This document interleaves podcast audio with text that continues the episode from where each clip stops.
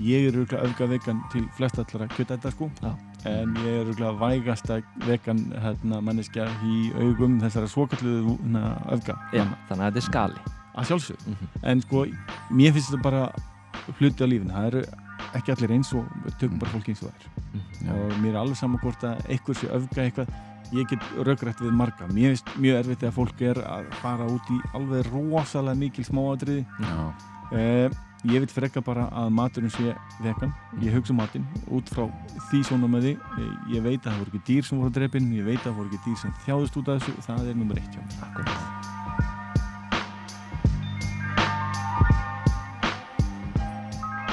nú, eitt, það erfiðasta sem er í dag er þessi bölvaða jömsósa sem ég Mm. get ekki láti frá mér sko. Ég held að ég er margir í, í, í sama vandamáli. Og ég, chipotle sósan sko er bara sósan mín sko. Og ég er farin að setja hann líka við æ, þetta er orðið svo gott.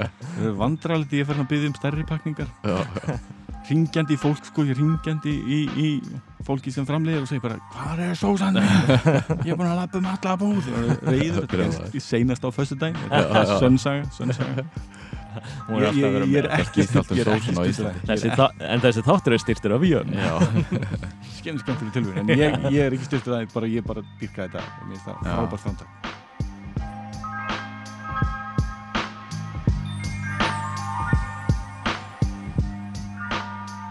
Hér hjá okkur í dag situr Sigvaldi Ástriðarsson eða Valli Dordingull. Hann er þungar okkari, harð kjarnatónlistar unnandi, vegan til margra ára, áhrifavaldur og hot sósu tester. Verður velkominn Sigvaldi. velkomin Þakka þér, þakka þér ja, Þakka ykkur, réttar sagt Uh, byrjum bara strax, Hva, hver lengi hefur þú verið vegan? Ég varð vegan eh, í brúðkaupsferðinu minni árið 2006 Í brúðkaupsferðinni? Já, sko ég hef búin að vera græmdisæta frá því í 99 Eða, þú veist, Áramótin 99-2000 ákveðu ég og kona mín við ætlum að gera skræmdisætur Mm. Mhm. Við ætlum að byrja hægt, byrja að taka rautkjöldburt og síðan Mm. ætlum við að taka fiskinn og eitthvað svona við borðum við enga fiskanni að, Mm. að, að, að það eh, var mjög einfalt fyrir okkur að byrja sko Mhm. Bara nokkur dögum síðar sá ég frétt á rúf um eh, ástand kjúklinga í kjúklingabúum í, á Norðurlöndum. Já, og ég sagði bara ég er ekki til að taka þátt í þessu. Mhm. og ákvað bara þá er ég bara orðin fullon þá var orðin græmið þetta bara pakkin komin já, síðan uh, uh, voru við alltaf svona fyrkt að reyna að búið til ykkur samtök.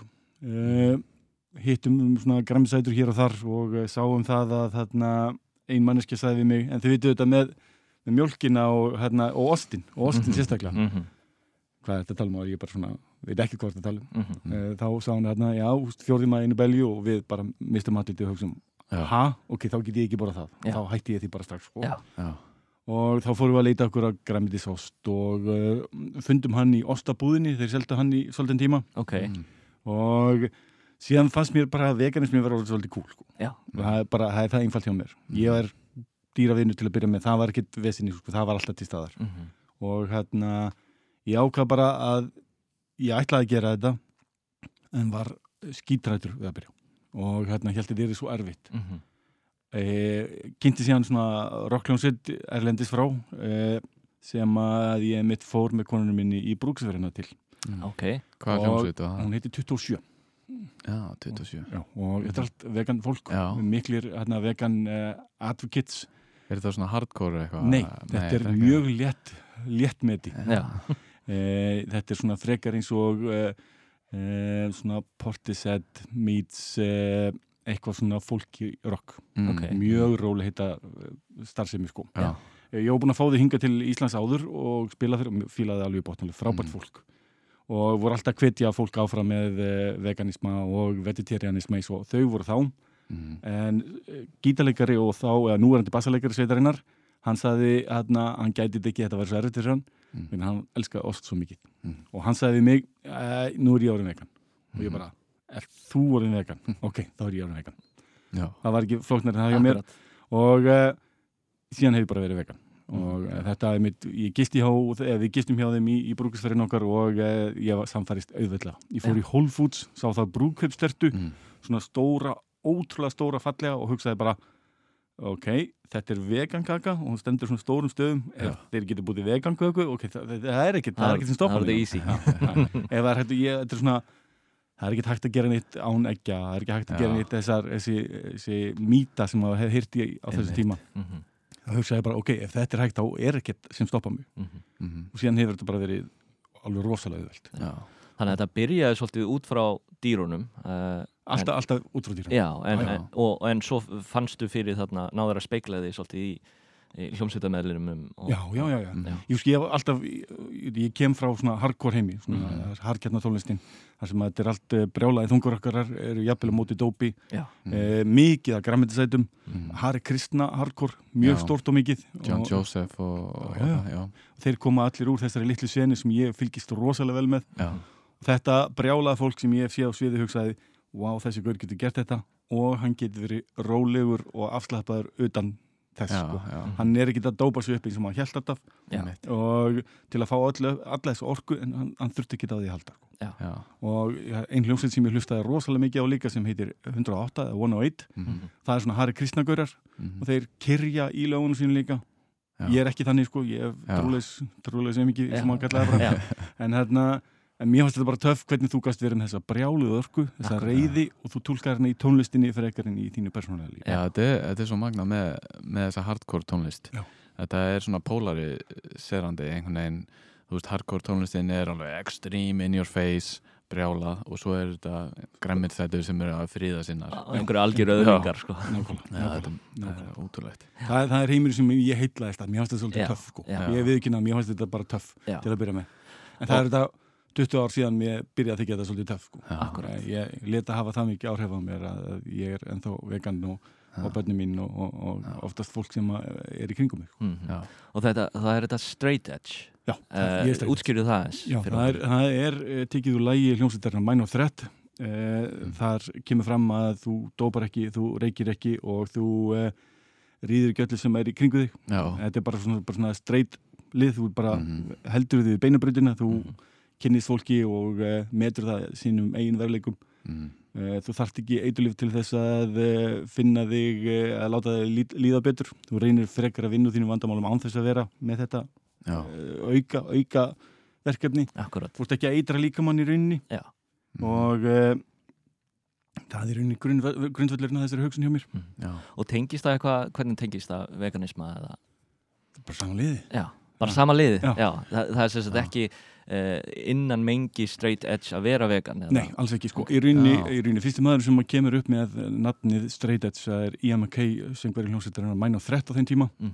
upprunlega hljómsveitarinn uh, Teen Idols Mm. hann uh, bjóð til í rauninni þetta I've got straight edge, I've got straight edge og uh, hann gerði skræmyndisæti á sín tíma Já, já og þá var allir, ó, ef straight edge þá verður að vera já, Akkurat, á hann. tók það svolítið frá honum Já. já, og síðan uh, þróast þetta alltaf út frá því sko. Mm. þannig að það voru allir Ian McKay Já. en uh, það gerir það enginn í dag kannski já, já. en, en þetta er orðið miklu starra og, og meir en hann nokkuð tíma var akkurat, Já, akkurat, þannig að það er fullt af fólki straight edge sem er ekkert þetta Fullt, fullt, já, fullt. já, akkurat, akkurat. Ok. En þetta er samt svona, það er loðið við þetta Ég, ég finn það Mhm. alveg svona Já, já. að, hérna, maður heyrir þetta kannski á, á, og lesið þetta á netinu ég er straight edge vegan Já.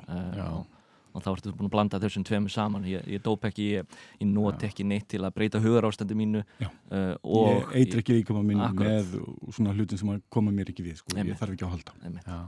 En hvernig var hérna, hvernig voru viðbröð fólks við þessu, í kringu þið? ég held að þið vitið þannig bara sjálfur hvernig það er að verða vegan í kringu fólk sem er ekki vegan Já. Eh, Já. En- fólk en- tekur því oftast ekki vel Akkurat. Já, En þetta var svona fyrir svolítið löngu tíma og þá, var kannski hugarástandið í samfélaginu allt, allt öðrisi ég Já. er inn að hafa grófara. Já. fólk leita á mann sem gjörsamlega klukka að mannesku já, uh, það er bara eðlilegt sko, þetta er í skil fólk að fólk líti á nýju mannesku sem gera eitthvað öðru sig Mhm. sem svolítið skrýtna mannesku en síðan er ég stór og mikill maður mhm, uh, ég er skeggjaður og, og fólk þorði ekki að vera með stælaði mig ja, og þeir sem voru með stælaði mig þá svaraði þeim bara orðið, ég hef búin að læra allar þessar setningar, já, búin að heyra allar próteini, en hvað með próteinið og mhm, en hvað með þetta og hvað með hitt Mhm. og hvað með, og skiptir ekki máli hvað þeim dettur í hug að segja, það er oftast svar við sko. já, já, síðan reynir maður að, að, að, að svona fáaðir í svörum og, og reynir að svara sumum en, en ekkert endilega öllum sko. Mhm. það á ekki við að svara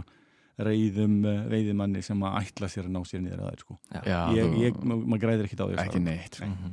já, já, Nákvæmlega í, í grundvöldin er það bara máli en sko fólk ég, ég, svona, í upphafi þá var rosalega mikið af hippum mm. í íslensku græmyndisenninni Mhm.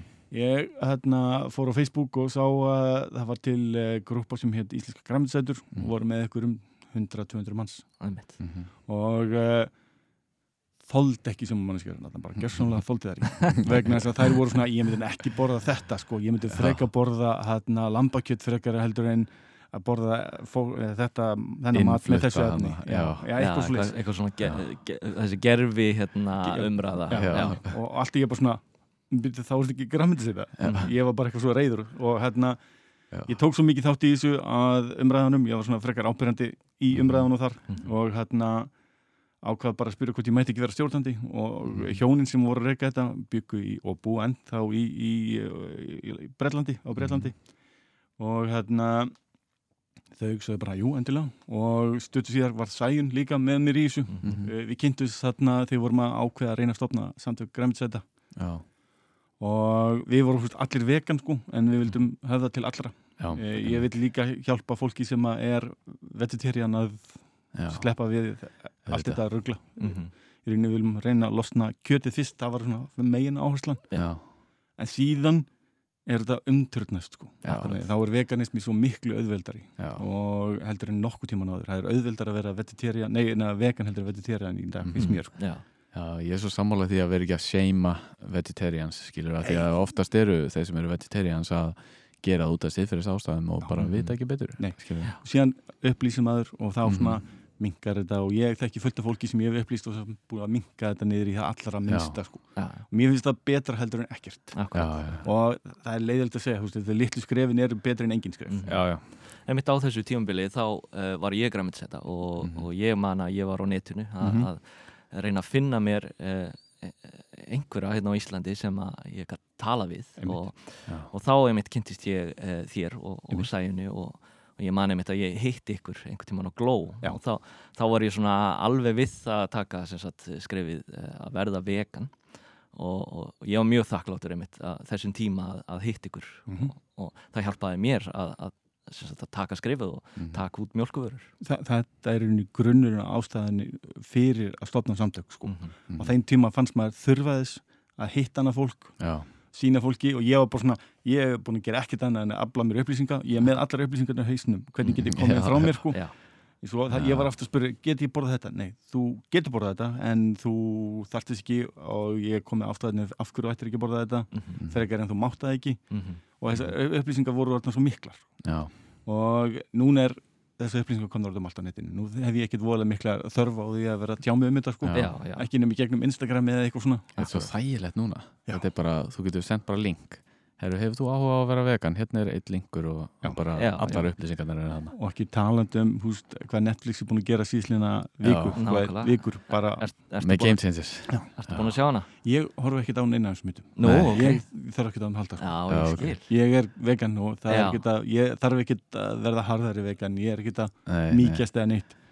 Ég segi fyrir ykkur öðru fólki að horfa á þetta já, Það, það, er, það er svolítið merkilegt hérna, oft, oft er vegan fólk sem sagt spenntari fyrir þessum myndum heldur en Mm. kannski almenningur ég er rosalega spenntið fyrir henni sigur. fyrir hína fyrir hinna, já, já, já, ég er vegan, það, það, er ekkert, það að breyta mér sko. akkurat. Ég er ekki að fara að læra neitt nýtt uh, á þessum myndum sko. einmitt, ekkert einmitt. sem ég hef ekki vita nú þegar. Ég er búin að vera vegan í hvað, 16 ári eða svo. Já, og þá hugsaði ég bara svona "Nei, þetta er frábært, ég Akkurat. elska þessa myndir mér finnst það frábært og ég er búin að sjá nokkrar af svona þessum stóru myndum. Einmitt. mm, Hvað, búin- hvað myndur svona myndur mæla með að, sko í dag miða við það sem ég bara les á netinu þá Mhm. finnst mér allir hægt að horfa á svo Game Changers já, þegar fólk er búin að vera svona ég hef engan á þessu, þetta er bara fáranlegt Já. og, og Mhm. þetta helvitis vegan pakk og allir Já. þessi standardumræð nákvæmlega yfir í það bara svona já, já ok, það er kannski eitthvað til í þessu Einmitt. Ég er að sjá rosalega mikið núna á netinu, bæði hérna á Íslandi og Erlendis að eh, sagt, strákar eru, eru rosalega mikið að horfa á þessa mynd Já. og,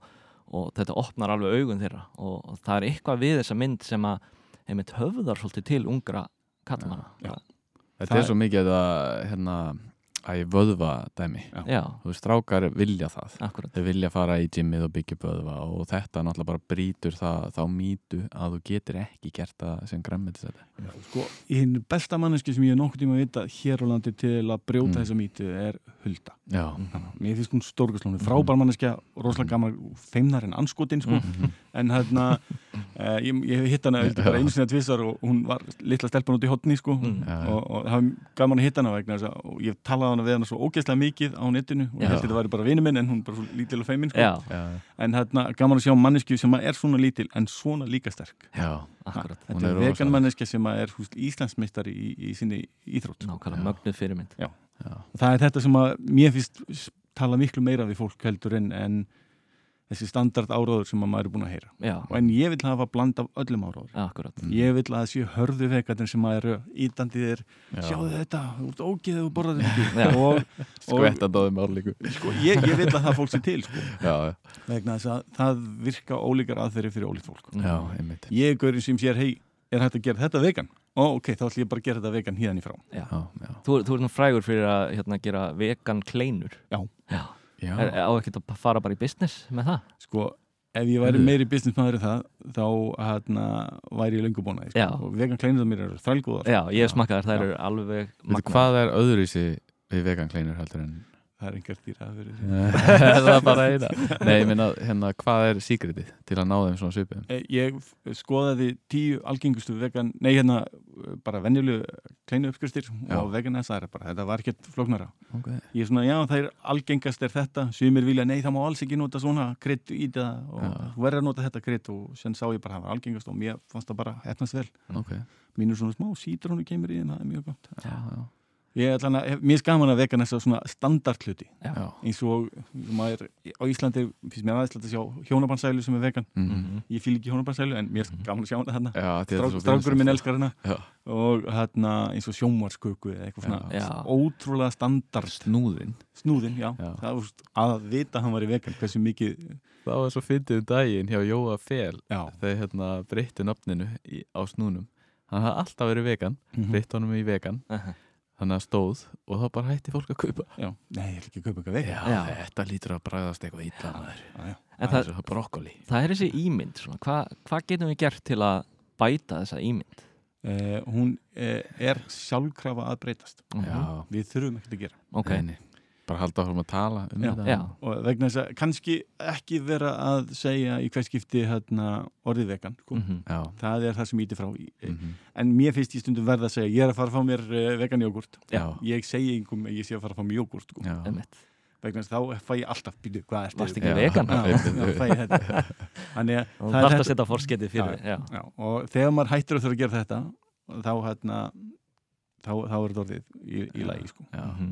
En mér er- er gaman, mér er gaman það er þetta svona bandir á milli viðskiptavinna Já. og, og, og, og, og uh, vina og alls konar svona, mér finnst það fínt. Já. það má vera stríðni sko. akkurat. Mér Og- finnst það alveg að vera líkil hluti af þessu.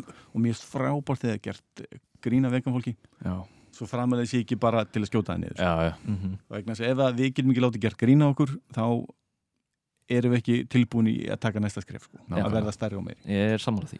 Nákvæmlega og það finnst mér bara um alla þjóðla, þjóðfélagshópa bara punktur, það verður að fá að vera gert grínaðir Mhm. Já. ef það er ekki gert grínaðir þá ertu ekki hluta þjóðfélaginu sko. já. Hluta samtalinu Samtalinu, já, já. að- já.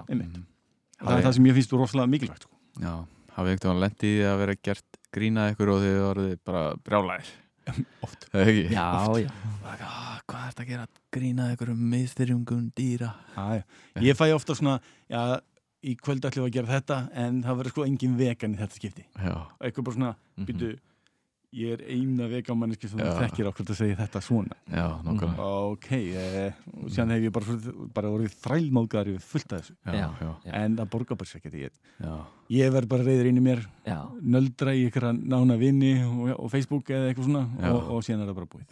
Það verður bara að læra að láta þetta til þér. Mhm. Ég verð ofta sko reyðari yfir þegar, þegar þetta einhvern veginn grínið er gert í garð dýrana Mm. heldur en fyrir, á mig sjálfan sko. Mér er alveg sama þó einhver gerir grín af mér Mhm. fyrir að vera vegan en einhvern veginn svona þegar er gert grín af af þjáningu þeirra þá Já. einhvern veginn tekið það svolítið svona Þa, það er skiljanlegt sko Já. en þarna er líka spurningi hvernig gríni er gert akkurat, ég Já. það má gera grín á öllu finnst mér Já, sko. já. Mhm. ég er einn af þeim, ég Já, elska ég- grína ég á fátt þeim. skemmtilega en uh, gótt stand-up comedian Mhm. Eh, það var einn Mhm. sem heit Daniel Sloss Mm. sem Já, var hann- hérna hann tók alveg rosalega ljótt grín fannst mér Já, hann hérna bara gjörsamlega að eina sem ég hatt í heiminum er, er græmdsættur og veganfólk Mm. hann byrjaði þannig sko.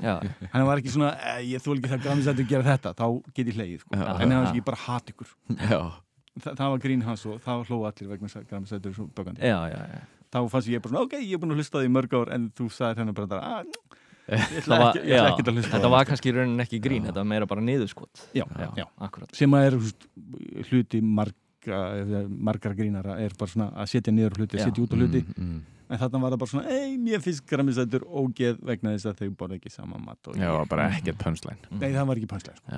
Já, hann sagði sko, ég hef ekkert um móti að svonu minn myndi koma til mín og segist vera hommi en ef hann myndi segjast vera vegan þá myndi ég henda hann út Mm. það var eitt af brandarum sko. Ég mér finnst, af hverju, það var bara ekkert Nei. Já, þetta er bara, já, ok þú bara hattar græmisætur já Mhm. Ég fíla svo ekki ekki og sérstaklega eftir hann er orðin vegan ef ég skil rétt Já. sko. Já, ég held þá að- er ég ennþá hreitnára á hann sko. Já. Já, Ég hef aldrei heyrt hann segja það samt að hann sé vegan, hann Nei. er alltaf bara samt að berjast fyrir dýraréttin ég, ég held ég að við lesið það hjá honum á Twitter að Ok. að hann væri orðin hérna.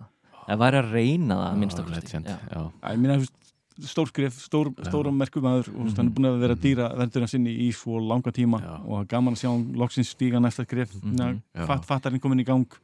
Ég get ekki verið að bölva þessu og tekið þátt í þessu svona, þessi hugsun. Elska þegar hann er að drulli yfir hann að Já, Hann alveg bara tekur það og bara stútar það það er, einnig sljót orð og breytir og stundum er hann gaggrindur fyrir það Já, já, Eh, og sem er ennþá betra vegna þess að þá kemst í umræðina já, þá fer fólk, ef fjölmiðlar að tala um þetta þá kemur það bara með góð rauk fyrir þessu. mhm, Einmitt. akkurat þá án þess að nota sé-orðið eða hvað sem þið vil já, segja já, já, já, já. einmitt. Nákvæmlega En svona á, á þessari vegferð Mhm. þinni, hvað svona finnst þér hafa verið erfiðast? Vegferð Vegferð, þetta er nýtt orð. Vegferð, þú veist. Já, já, mjög gott, mjög gott. Uh, sko, í reyni var skyndibitinn erfiðastur. Mm. að geta ekki sagt bara að ég ætla að fara að fá mér burger. Ok, á sínum tíma já, mm. en þú það er ekki vandamál í dag það er Við ekki erum að tala um vandamál. 99 sko. já, en sko Já. 91, 90, nei, enna, 2001, 2001, 2002, 2003 þá var maður ekki að fara út nema á hérna á næstu grösum Já, Já, og hérna grænan kost einmitt, einmitt Eh, þetta voru staðirnir en það voru alltaf svona keimlíkur matur einfaldur uh, afrískar kásur eða Mhm. eitthvað svona mhm. mhm. og ég var alltaf svona, okkur komið ekki bara með Ha, okkur komið ekki með burger og síðan komst burgerinn loksins og hann seldist alltaf upp og að fólk vill einfaldari svona kunnilegri mat þráttur að afrísku kásurnar eru rosalega Góðar. sko. en nú er ég farin að sakna þeirra Mm. svona í, í matnum sem ég fekk mér alltaf sko. Mm. Ég er eiginlega sammála Já. það, er svona komið ómikið af junk food í rauninni já. Uh, og mikið af burgerum Já, og sko á næstu grösum var til dæmis með besta hummus og Mhm. brauð sem ég gætt ímynda mér Mm. þú gæst keift brauðið og þá var halvur metr af brauðið sko. þetta var stórt þetta, þetta, var ekki, þetta var ekki svona gróf brauð þetta var, það var svart Já, skarðað niður og ég keipti mig ég ætla bara að fara að fá mig metr af brauði og, og, og, og, og, Með og fá svona, súpiskála af hummust og síðan var ég bara í kvöldmátt síðan var ég svo ókýrsla þungur matur maður er ekki vanur að borða svona þungamat Mhm. að eftir daginn lág maður bara á klostinu sko. en, en algjörlega hreitn eftir á sko. Já yes. En hvað er svona uppáhaldsmaturinn núna? þá? sko, ég er uh, uppáhaldsmatur minn svona, er alltaf lasagna Já. gott Mm. lasagna finnst mér bara ekkert jafn gott sko. Mm. sérstaklega ef það er svona traditional lasagna ekki bara lög að grammeti sko Já, heldur hús, bara með eitthvað góðu veganaki, góðum veganost og góður vegansósu, ég segi vegan fyrir saman allt já, já. og, hérna, og það finnst mér svona traditionally gott og síðan er líka gaman að hafa eitthvað svona ótrúlega óöðlega holt inn á milli líka sko. já, já. eitthvað, já þetta eru húst spínat blöðlag og eitthvað svona er það kveikjar svolítið í mann líka. Þegar maður vill vera með lífið á hreinu þá Já. gerir maður það sko Já, nákvæmlega, já, ég seti smá spínat í það líka það er gott sko. en síðan er ég bara hrifin af góðum mat almennt sko. Mhm. um, ég, nú, veist, eitt, það erfiðasta sem er í dag er þessi bölvaða jömsósa sem ég Mm. get ekki láti frá mér sko. Ég held að ég er margir í, í, í sama vandamáli. Og ég, chipotle sósan sko er bara sósan mín sko.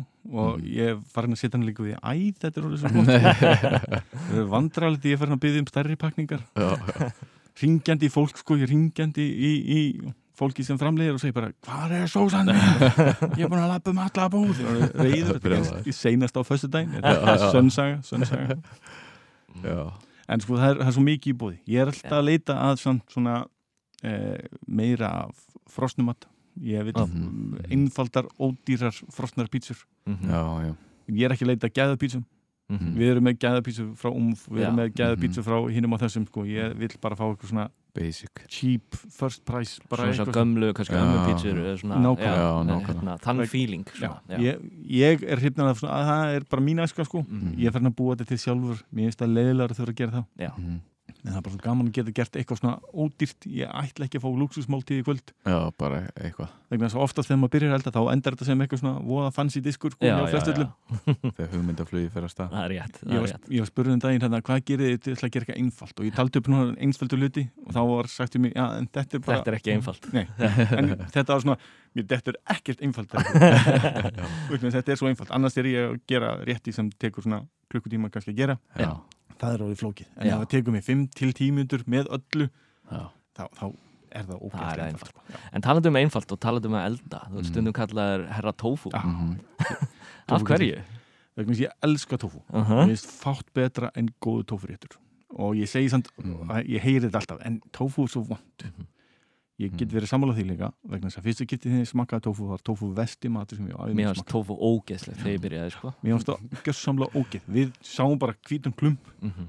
settum hann á pönnu gerðum ekkert við hann sko Hvað setjar það heilað á pönnu? Nei, við ská- Já, skárum ok. í eitthvað bita sko en sem bara var þetta bara ógeð áferðin var viðbjóðslegt, það var mjúkt og slepjulegt og ógeðslegt sem bara lærði maður Mhm. Og úr því að vera sístimaturinn í það að vera vinsaldamatur ég er með tofu Mhm. minnstakost einu sinni í viku hjá mér Já. það er föstudagsmaturinn minn Mhm. það er tofu föstudagur og e, bara þetta er bara matur sem gengur alltaf upp. Mhm. og ef ég vill fá kokk til að sína hversu góður hann er þá Mm. segi ég eldaði fyrir mig tofu Já, ég hef stundu farið inn á veitingastað þá segi ég hvað get ég gert til þig og ég segi tofu Já. ef þú getur gert eitthvað merkileg með tofu þá getur þú gert þá ertu bara góður kokkur sko. Mhm. Mhm. vegna að ef þú ert bara standardkokkur þá getur ekki gert neitt og byrjaði að svitna en góð, góður kokkur getur alltaf gert eitthvað gott úr tofu Auðvitað. Mhm. Já. Það, Þetta er líka svona tofu er eiginlega bara svona template fyrir hvað sem er sko. Mm. þú, þú, þú getur gert svo rosalega margt við það Pressar þetta? ég pressa alltaf tofu Alltaf Já. bara Já. hvað er, hvað er það góða við að pressa? Eh, íta öllum vökunum út Já. eh, gera það þéttara, þægilega steikja það Mm. og meira segja þú ætlar að gera eitthvað fancy og ætlar að setja mikla næringu en eitthvað svona Marineringu, marineringu já. í það og setur næringuna í pressuna með Í Mhm. pressuna? okay. þá þéttur það inn í vökun gerir svona punta inn í þetta í rauninni svona prjóna potur þetta með prjóna, það verður Mm. svona djúft inn í það. Öss, pro tips Þetta, þetta eru með tofu. Og, getur, og líka nú er ég orðin rosalega aðdáðandi að uh, bökuðu tófúi Já, að bara, ég get núna orðið borða þegar það er hættulega mikið. Já það, er, það er fátt betra en vel bakað tofu. Já. og se- setja það, húst alla svona mögulega marineringu í. Mm. láta það liggja, skera það í bita, láta það liggja og skella það síðan á pönnu, þetta er ekki flóki Já, þetta er einmitt eitthvað sem tekur svona kortir að undirbúa já, já. með öllu, þá er ég að skera hann í grammit inn niður og ég set sæta kartöflur og ég set Mhm. venjulega kartöflur, gulrættir og hvað sem er þetta og setja Mhm. allt inn í opnin bara, Mhm. tófúðu sinna aðeins setna já. þá er þetta bara frábær máltíð með. Jömsósu sem dæmi. Já, já, já. Hún er Ég, alltaf að ég, vera ég er með um er það. Er En þessi þáttur er styrtur af jöm Já, skemmt skemmtileg tilvíð en ég, ég er ekki styrtur það bara, ég bara dyrka þetta. Það frábært framtak Mhm. og það er líka verið svo mikið af góðum stöðum í Íslandi, það er ég mér þetta bara st- fyrsta stóra skrefið í að gera góðan einfaldan uh, skyndibönda á góðan rétt. Mhm. Já, Og þú, þú ert duglegur að benda á nýjungar á Vegan Ísland og á Mhm. Instagraminniðinu já, alltaf, Hvað svona drífur það áfram? þetta er það sem ég vildi fá þegar ég var að byrja Akkurat sko ég var með síðu, hún er búin að vera óvirk í 2-3 ár sem hétt hérna, mert vegan á Íslandi Mhm. Mhm. og hérna, þá tók ég myndir á öllum réttum sem ég sá sem voru mertri vegan Mhm.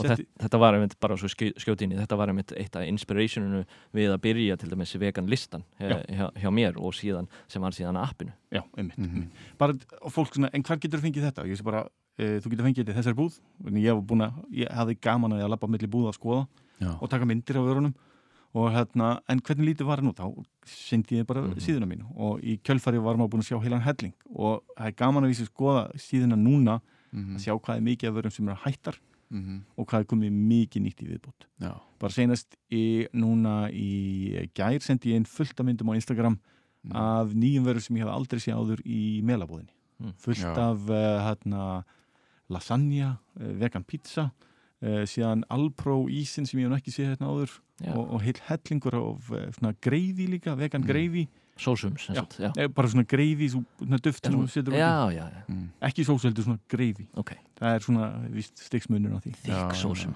eða Við byrðum ekki greifi í þunnsósa Greifi, nú er, nú er ég við veit ekki. Svona greifi eins og maður fær á KFC Er ætli það ekki. Það ég, ekki svona þunnt? ok. ég, ég hef ekki farið farið á KFC í, í Nei. 20 ár. Fyrst þegar, fyrst þegar þetta greifi kom þar þá var helt hérna vinnufélagi minna að þetta væri súpa já, og Já. hann drakk þetta bara.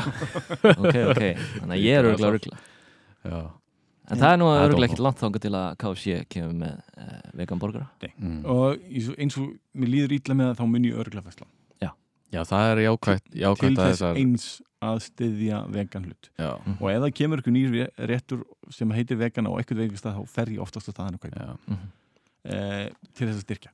Af því að við vitum að þessar keðjur er ekkert að fara neitt. Nei, nei. Þú veist, það, það er bara betra að þær takið þátt. Og þess vegna líka það er búin að vera skemmtileg herrferð á, á Twitter sem að er að skora stórfyrirtæki á að eina sem þarfst að gera er að taka hennar eina hlut úr vöruninni og þá er hún Mm. vegan akkurat. Eins og Kellogg's.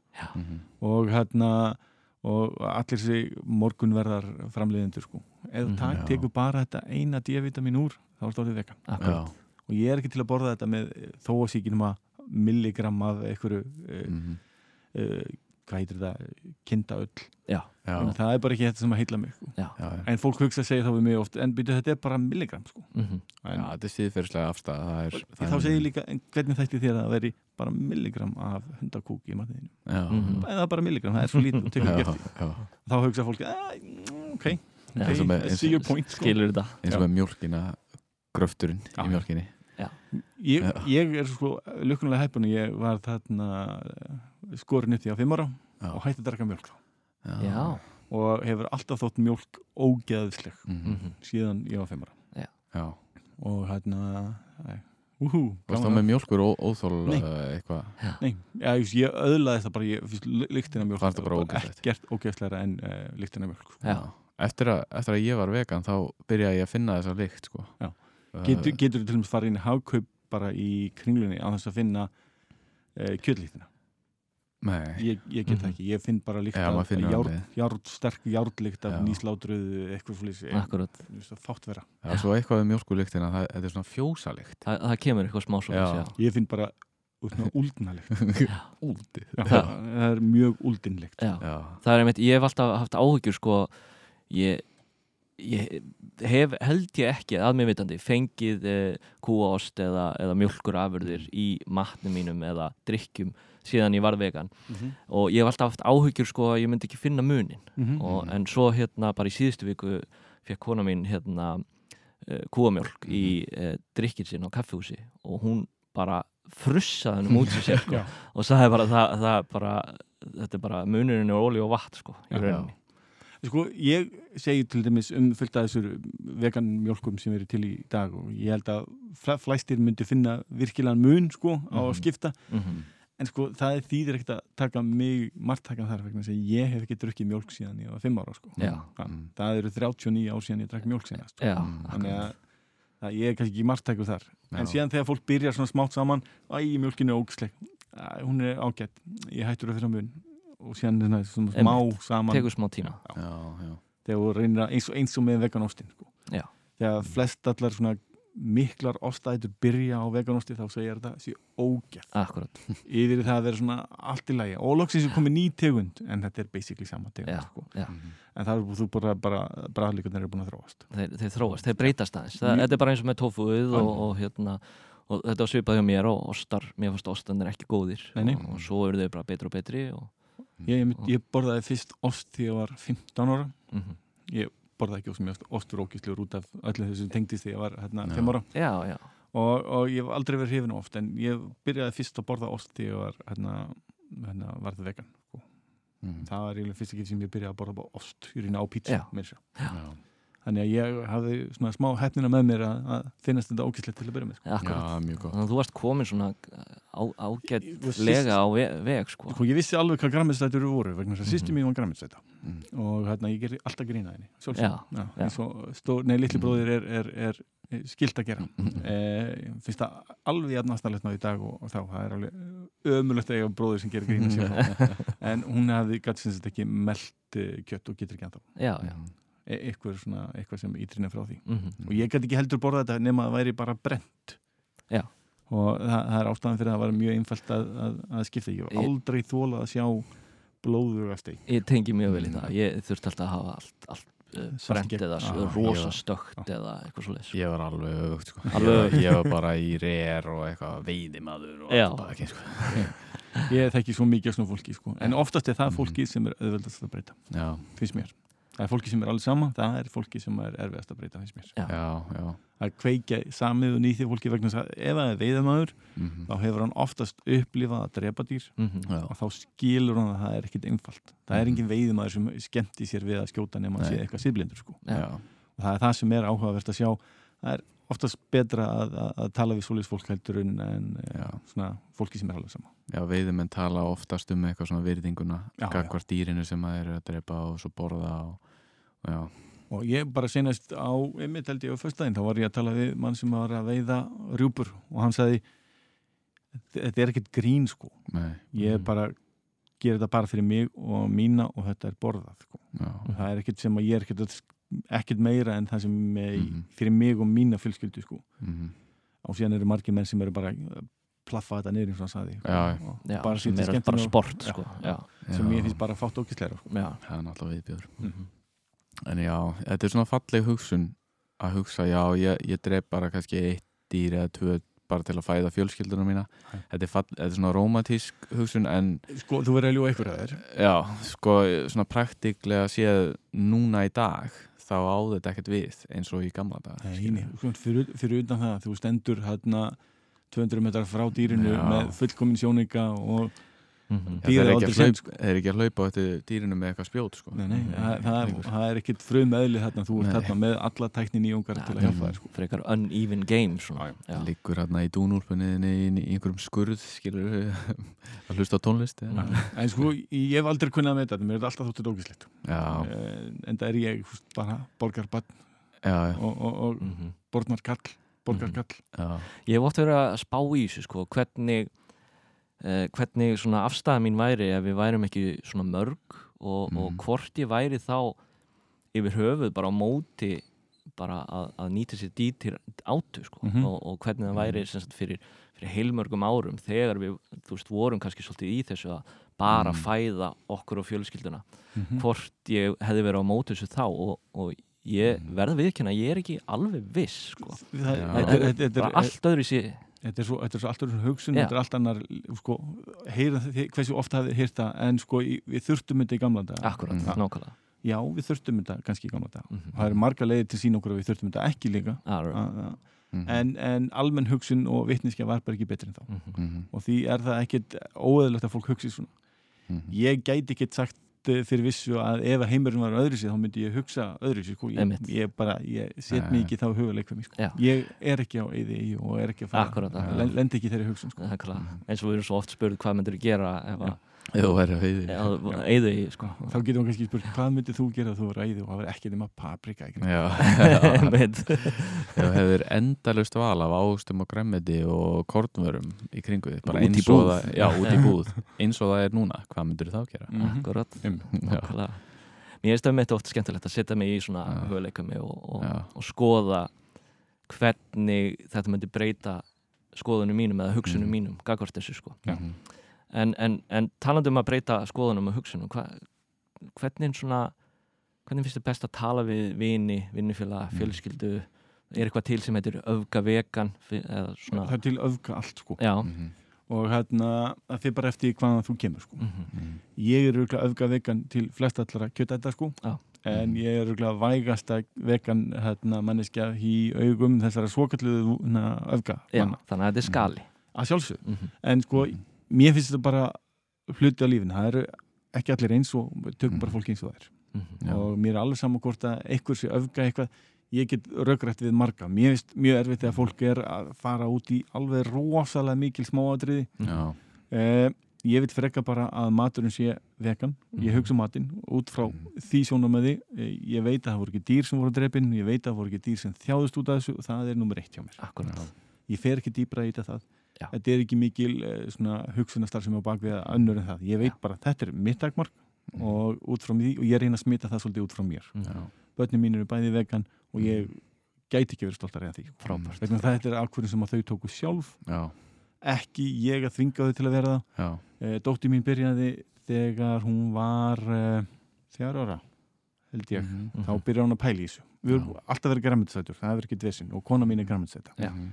og hún sagði pabbi ég ætla að verða vegan Já. og ég bara svona wow var- ég, var svo, ég var svo stoltur, ég var á og hérna hún held ekki alveg út það Mhm. var eftir viku þá var bara svona þá var orðið erfitt, þá var búið að bjóða í ammali þá var búið að Mhm. bjóða upp á kökur og alls svo leis það er, það er erfið svona við þetta fyrir, Já. fyrir krakka, ég Já, veit það ótrúlega Mhm. en viku setna kom hún svo, nei pabbi þetta er ákveð, Mhm. ég er vegan og þetta er stelpa sem er rétt að vera fimm ára, ég er inni fimm ára þá og Mhm. ég bara svona, wow, ímyndið ykkur að geta gert þetta þegar maður var yngri einmitt. og strákurinn minn uh, elskaði margarítu pítsu aðeins svo mikið Mhm. í aðeins svo langa tíma Mhm. en síðan sagði hann bara við mig ég ætla að taka þátt í veganvar og ég bara ok, frábært, finnst æðislegt sko Já. og hérna og síðan eftir veganvar þá hérna bjóst ég við að myndi byggja um margarítu pítsuna sína Mhm.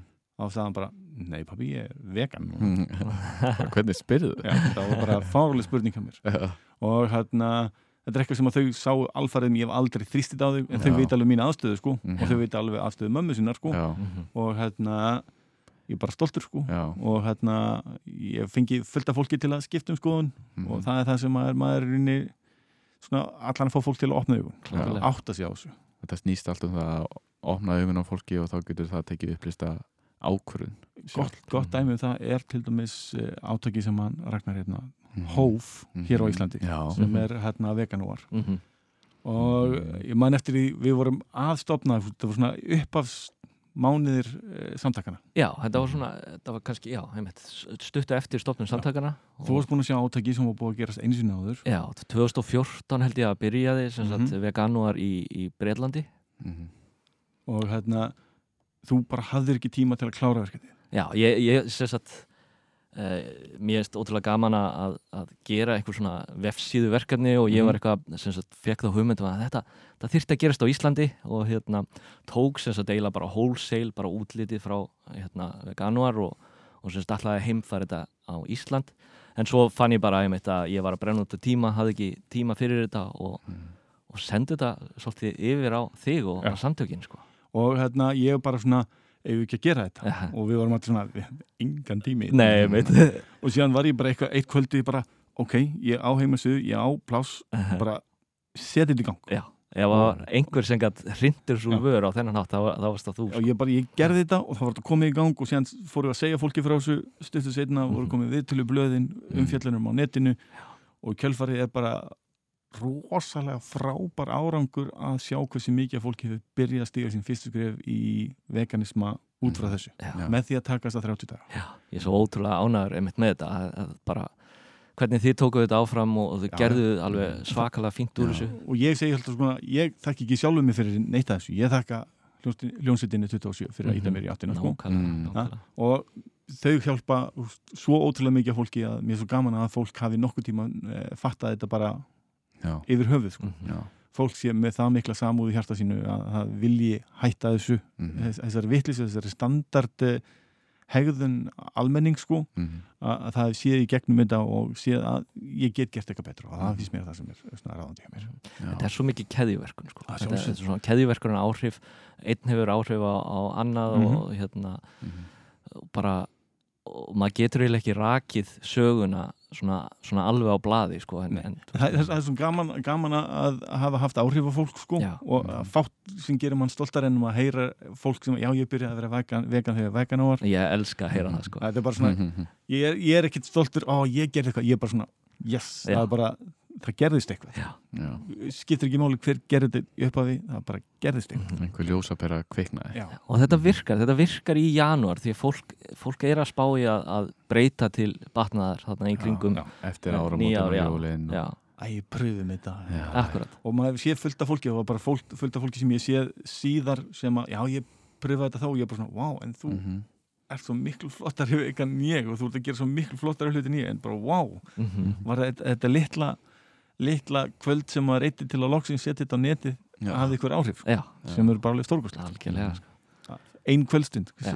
Segir síðan að fólk get ekki, ein mannska get ekki breytni inn ég, ég, eins og ég, se, Geta ég segi alltaf get, Mhm. það geta allir verið aktivistar á, á einhvern hátt og það, Það bara að finna sína línu. Eitt, hver, hver, hverjum þetta í huga ein lítil 15-16 ára stelpa í Svíþjóð geti haft áhrif á heiminn með því að setja að hæ- hætta fyrir skóla algjörlega, sjá upp á smittina þannig sem situr einn Já, Mhm. ha, yfir í það að vera einn áhugaverðasta og umtalaðasta manneski í heiminum. Já, algjörlega. Og sjálfsög fylgir það að hún verður rökkuð niður eins og ég veit ekki hvað. aðalega Ekki- einhverjum miðaldra kallmennum hún bara. hún er ekki gaggrind, hún er bara er ekki, alveg ekki fyrir málefnin, heldur fyrir Já. útlitið eða fyrir persónuleikan eða eitthvað Já, svolítið Ég verð alveg pyrraður þegar ég hugsa um það sko. Einmitt, eins og ég segi, það er er gert bara- grín, það er bara skotið niður sko, en, þa en það er alltaf þannig að þau sem stíga upp uh, og út fyrir hringin eða Mhm. inn í, inn í uh, svona ba þennan bardagarhring þau, þau eru skotið niður Já, já. en sko, við verðum líka átt okkur á því að í gegnum breytingar í gegnum, tíð, í breytingar í gegnum tíðina hafa alltaf mótspyrnu og oftast er það mikil mótspyrna sem að e, það er ástæða fyrir henni vegna þess að við erum að breyta norminu Akkurat. mhm. og það er bara frábært að þessi ansbyrna sé og við verðum átt okkur á því að ef það er mikil ansbyrna það þýðar að það er eitthvað að virka mm -hmm. Mhm. vegna þess að þetta er að hafa áhrif á fólki þið sjáu það að það er tekið viðtal við krakk út í bæ það vita allir hvað veganismi er. Mhm. Það vita allir hvað er vegan Mhm. skilja það ekki alveg 100% Mhm. það vita að þau borðu ekki dýr eða eitthvað svoleiðis Já, sko. Úr því að bara hvað er þetta að tala um já, svona samfélagsvitundin er orðið svo Já. miklu meiri úr því að Já. vita ekkert um það mm og að geta farið út í hagkup í nammibarun og valið nammi, veganammi sko. Mhm. það er bara stort Já. og mikið skref Þú lítur að sjá þetta alveg rosalega því að þetta er frá þín sagði frá 99 Já. Ég finn það bara frá 2011 sko. Já. Það er bara rosalega munur þar. Bara, og eina búðin sem maður gæti farið í að okkur ráði var Yggdrasil Já, sem var Mm. stórgóðslega búð á aftur á móti já, uh, síðan heilsuhúsið og þar einn á milli síðan var stór búð með Yggdrasil á skólafröstík ég átti Mm. heima rétt hjá og var alltaf hvetjaði til að koma. Er þið ekki til að koma með veganost? Er þið ekki til að koma með veganost? Já, og það kom aldrei veganostur og hérna, síðan hafði ég bara samband við hérna, fólk sem að bjóð til Shees já, sem já, er já. lítið, hérna, lítið fyrirtæki á eigu fyrir utan Breitlandsegar Mhm. já, í rauninni hluta Breitlandi Mhm. og þau sögðu bara ekkert mál, við skulum senda Já. og ég pantaði bara nægilega mikið og fór, hérna, ég fekk fullt af fólki til að kaupa saman Mm. Og hérna síðan gerðs sama, ég þekkti mannesku sem er vinnur okkar begja Mhm. sem vann hjá hérna, stóri maturveslin og hvart hann til að koma með vegan ost. Já, og í kjölfarið fór hann að seljast. Mhm. og þá svo önnur fyrirtæki hei, Já. þetta er að seljast. Svo, svona gerist þetta já, já. ok, kom þú meira með og þá fór fólk að sjá svona möguleika að koma inn veganvörur Mhm. og þá komið það í brettum og brettum og brettum í staðin fyrir húst, ein pakning og ein pakning Einmitt, Já. einmitt. og þessi litla breyting hefur svo mikil áhrif Já. úr því að það sé ekki hægt að fá neitt í því að sé að fá allt já. Mhm. þetta hefði gert hvort þið er, maður sér það að vera í dag Mhm. en Þetta við bara- íttum því svolítið á undan það er þess sem veganismi er Þarf- mál á Íslandi. Það þarf að koma snjó, snjóboltanum að staða einhvern Já, veginn það, sko. það er ykkur að Mhm. nóða fyrsta bótt Já, Mhm. og nú er þetta bara orðið óstöðandi við vonum það Já, þetta er það sko Já. Ég er alveg samfæður og, og talandi um að þetta sé óstöðandi svona, veist, hver er svona fram, framtíðasíðinin, hver, hvernig Já. sérðu veganisma uh, vera í framtíðinu og hvað svona heldur við eigum langt í land það er við erum ótrúlega langt í land mm Mhm. það, þetta er bara fyrsta skrifi, við erum Mhm. komið 1% Mhm. Eh, ég vona að hann verði svo algengur að uh, efast þetta engin. Já. Mhm. Ég held þetta verði svolítið þannig eftir svona 20 ár að það eru jafn eð, eðlilegt að vera vegan og að vera í rauninni kjötata. Mhm. Mhm. og ég held að verði alveg komið í 50-50 sko. Mhm. og Heldur að séu alveg 20 ár í, í það? Við það er meða við hugsunum dagsins Já. og ef allar þessar upplýsingur um lofslægið og allt séu svo réttar Mhm. Já, þá kemur ekkert annað til greina já, vegna þess að þá verður bara eitthvað að gerast Mhm. Mhm. og ungt fólk hugsar allt öðru í dag heldur en gerði í gamla dag Mhm. eh, ég sé unga krakka sem að finnst ótrúlega spennandi að borða vegamat Já. vegna þess að það eru til nakkar það eru til svona einfaldir krakkamatar sko. Mhm. það er ekkert vandamál að breyta því Mhm. eh, það sem þarf að þetta gerast er eh, stjórn svona fræðileg breyting Mhm. það þarf að breyta mataræði í skólum Já. þvinga bara skólan til að koma eitthvað betra Mhm. það er engin vegan valkostur í neinu skólum á Íslandi nema hann sé sérhæfður vegan Akkurat eitthvað svo leis ég elda mm, bæði morgumat, hátegismat og nesti handa krökkum mín og hverjum einasta mótni hef alltaf gert Já, mér þætti stórkoslega að geta sett krakkan að fara í skólan já, Mhm. Ah.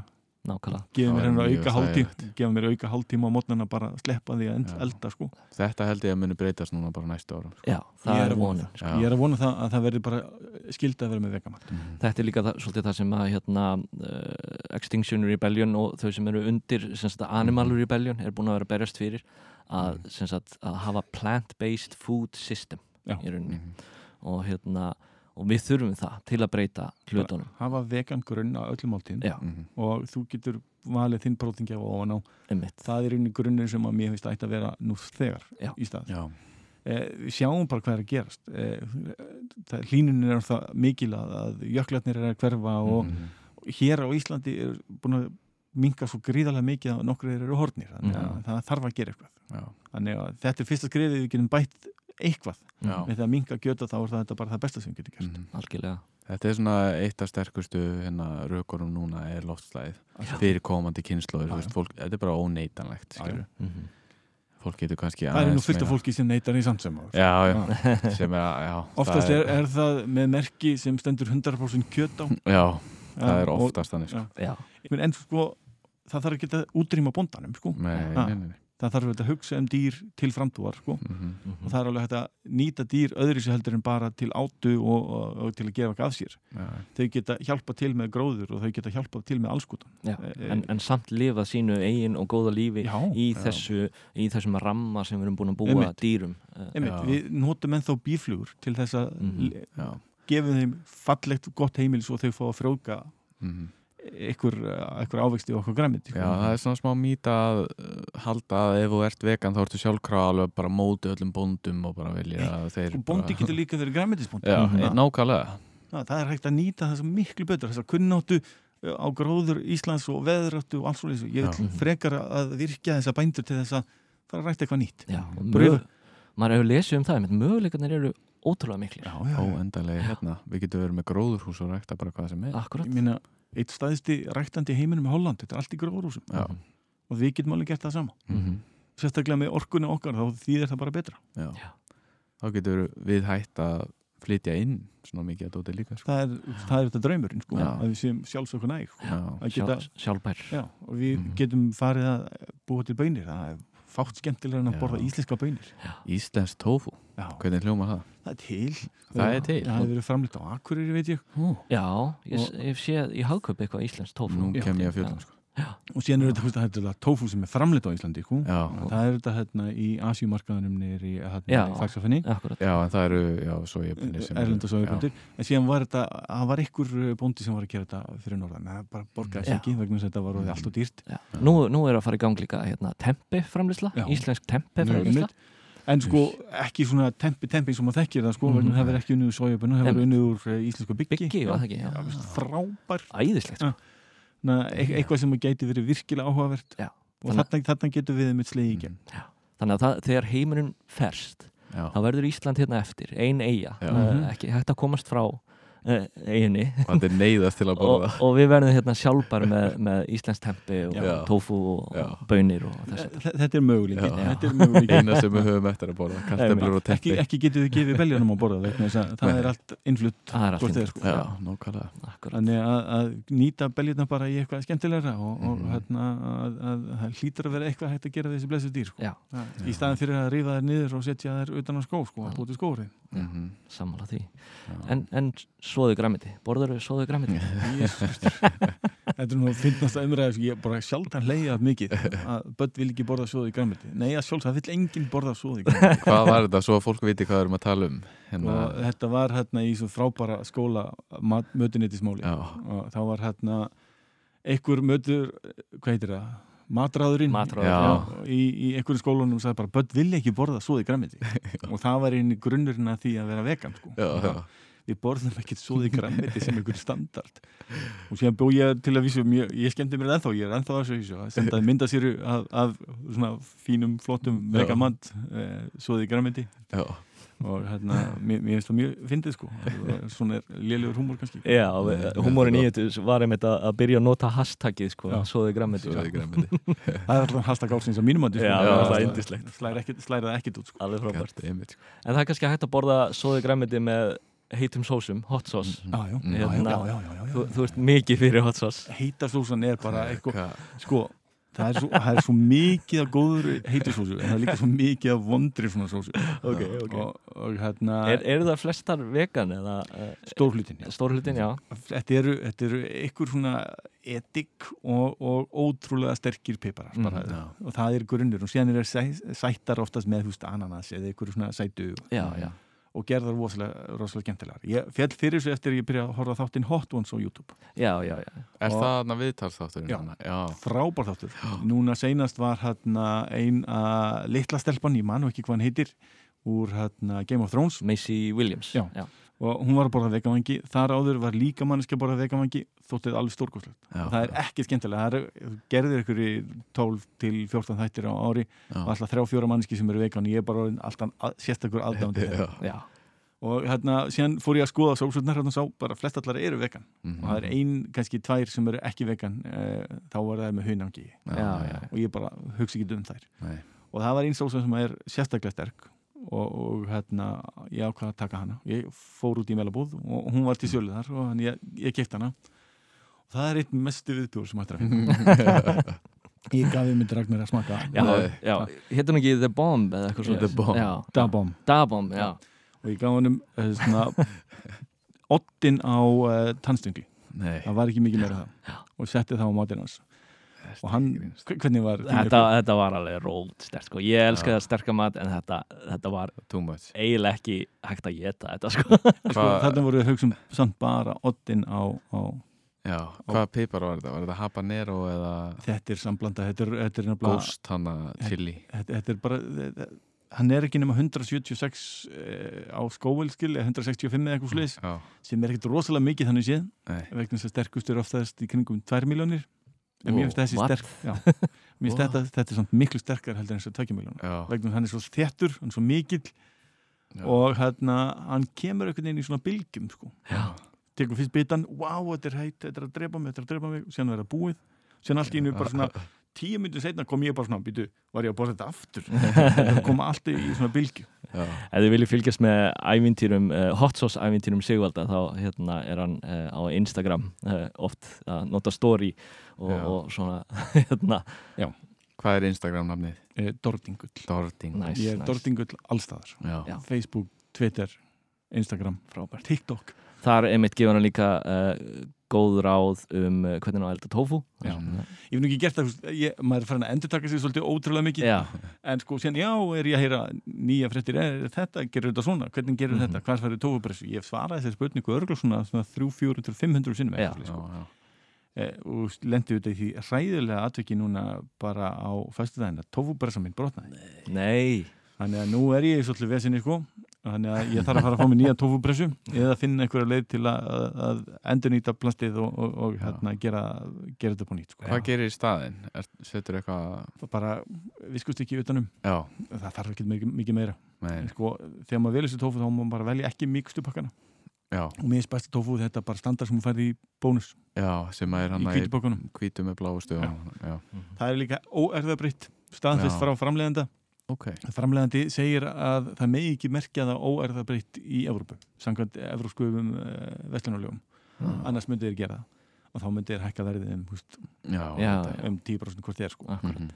þannig að uh, þetta er óæra breytt og fólk er svo hrætt við tofu og Mm. bara soja í hilsinni sem er rosalega, rosalega vittlust Já, það er alltaf þetta estrogen já, já, hérna, og einhvern veginn að við erum allir orðin svo rosalega kvenlegir með þetta já, skeggvöxt já. sko. Já, þetta er fyndið þetta með estrogenið í, í tófúinu sko, því að, að hérna, samkvæmt uh, rannsóknum er sem sagt 80% af öllu estrogeni sem að við borðum og sérstaklega kallmenn mm, uh, kemur frá uh, mjölkuvörum, dýraafurðum mm, og, og hérna, eggjum og, mm. Ég meina ef þú borðar belgjukjött þá ertu að borða kvenkinn stýr sko. Akkurat. Það, ég meina, það hættir ekki bara allt í hennu breytist ekki bara eitthvað dött dót sko. einmitt, og ef það myndi gera það, þá myndi það gerast líka hjá græmitinu sko. já, fara allt rasli með það sko. og ég er með, með svona fantasíur bara með því að búa mér til mitt eigið tofu og ég mun gera það eitthvað tíma Já, Mhm. þannig að, að stay tuned sko. Mm. já, Já. Mr. Tofu Tofu já, Mr. Mr. Tofu Tofu já, það er töff. það er samt, það er bara, þetta er gaman að sjá mat sem maður gerðsamlega hataði yfir í mat sem maður farin að elska Mhm. og ég borðan uh, alveg hráan og uh, mjög sterkan þannig að það er bæðið Mm. sko. Já. það er bara gaman að geta gert þetta svona á, á eins fjölbreyttan og skemmtilega og hægt Já, er. Mhm. ég hef gert að setja þetta bara á rista brauð já, Ég sker bara rátt tofu já. og setja á rista brauð Sko. með tómasósu eða Mhm. eitthvað rátt tofu bara á ritskegsi er bara draumur sko. Það er algjör draumur Það er allavega betur en hrátt hakk já, Já. já, já, ói. en sko líka þið getið pröfa að nota uh, tofuskera Mm. eh, sem svona venjulega heimili kalla ostaskera skera já, og hérna til að gera bara þunna sniðar og léttsteikja pönnu með nægilega mikið kvítuskrytti og eitthvað svona og setja bara svona þykkt lag, bara sentimetr af Mhm. svoleiðis litlum sneiðum í hérna langlóku blow, your, blow your mind. Ég, ég var svo viss um sjálf mig þegar ég gerist vegan að ég hendi ostaskeran Nei og ég sé alveg svolítið eftir því núna. eftir, eftir þú fórst að tala um tofu skera já, það sé ég alveg svolítið eftir því. Ég nota tofuskera mjög mikið. Já, en það er alveg mikil nót fyrir hann þegar maður er farin að gera þetta. Og ég, þessar samlokur eru stundum svo hættulega góðar að þegar maður byrjar nóg af chipotle jömm sósu, fullt af tofúi og sko, eins og Mhm. bandarækjaman gerir þetta og breytatin gerir þetta að gera samlokurna það er alveg húst, sentimetr af áleikinu sko. og hérna setja mikið svoleiðis og síðan allt græmitið í viðbútt sko, og það gerist fátt betra sko. Og jafnvel ganga lengra og, og grillana sko, í svona samlokugrilli þá er það orðið svona hvað heitir hún eh, kjött, hvað heitir til eitthvað svona standard kjöttsamloka, Svona kjöttloka BLT eitthvað. svona eitthvað svona bræðingur Já, eða eitthvað, það, Já. það dæmi hann og svoleiðis með hreinu steiktu svona aðeins stökku tófúi Já. fátt betra. Ég er bara byrjaði að slefa hérna. Já, ég, ég er búin- ég er búin að borða þín, ég er hann sangur aftur. Ég held að þurfum að fara að fá okkur að geta bara vel. Segja það. Já, skreppa, skreppa í tofu já, nákvæmlega En þetta er búið að vera að gegja viðtal Ég held að þetta sé bara góðu stað til að wrap it up Jú, jú. takk hérlega fyrir Ég held við þurfum Já. ekki að, hérna, við tölum svo mikið um jömm ég held við þurfum ekki að gera sponslínu fyrir þennan það Nei, Nei, jömm, sko, jömm bara hvetja fólk sko, ég bara býð eftir næsta skrifa frá jömm hvað gera þau næst sko. Já. Já. Vegna þess að, að þau geta alltaf toppa sér meira en það er búin að gera Já, þannig að, að nú er bara vona að, að þau komið mér óvart sko. Já, Mm. gera klika nákvæmlega Bara- No pressure yes. Herðu, frábært Takk fyrir þetta. Glæsilegt, Takk fyrir komin Takk fyrir mig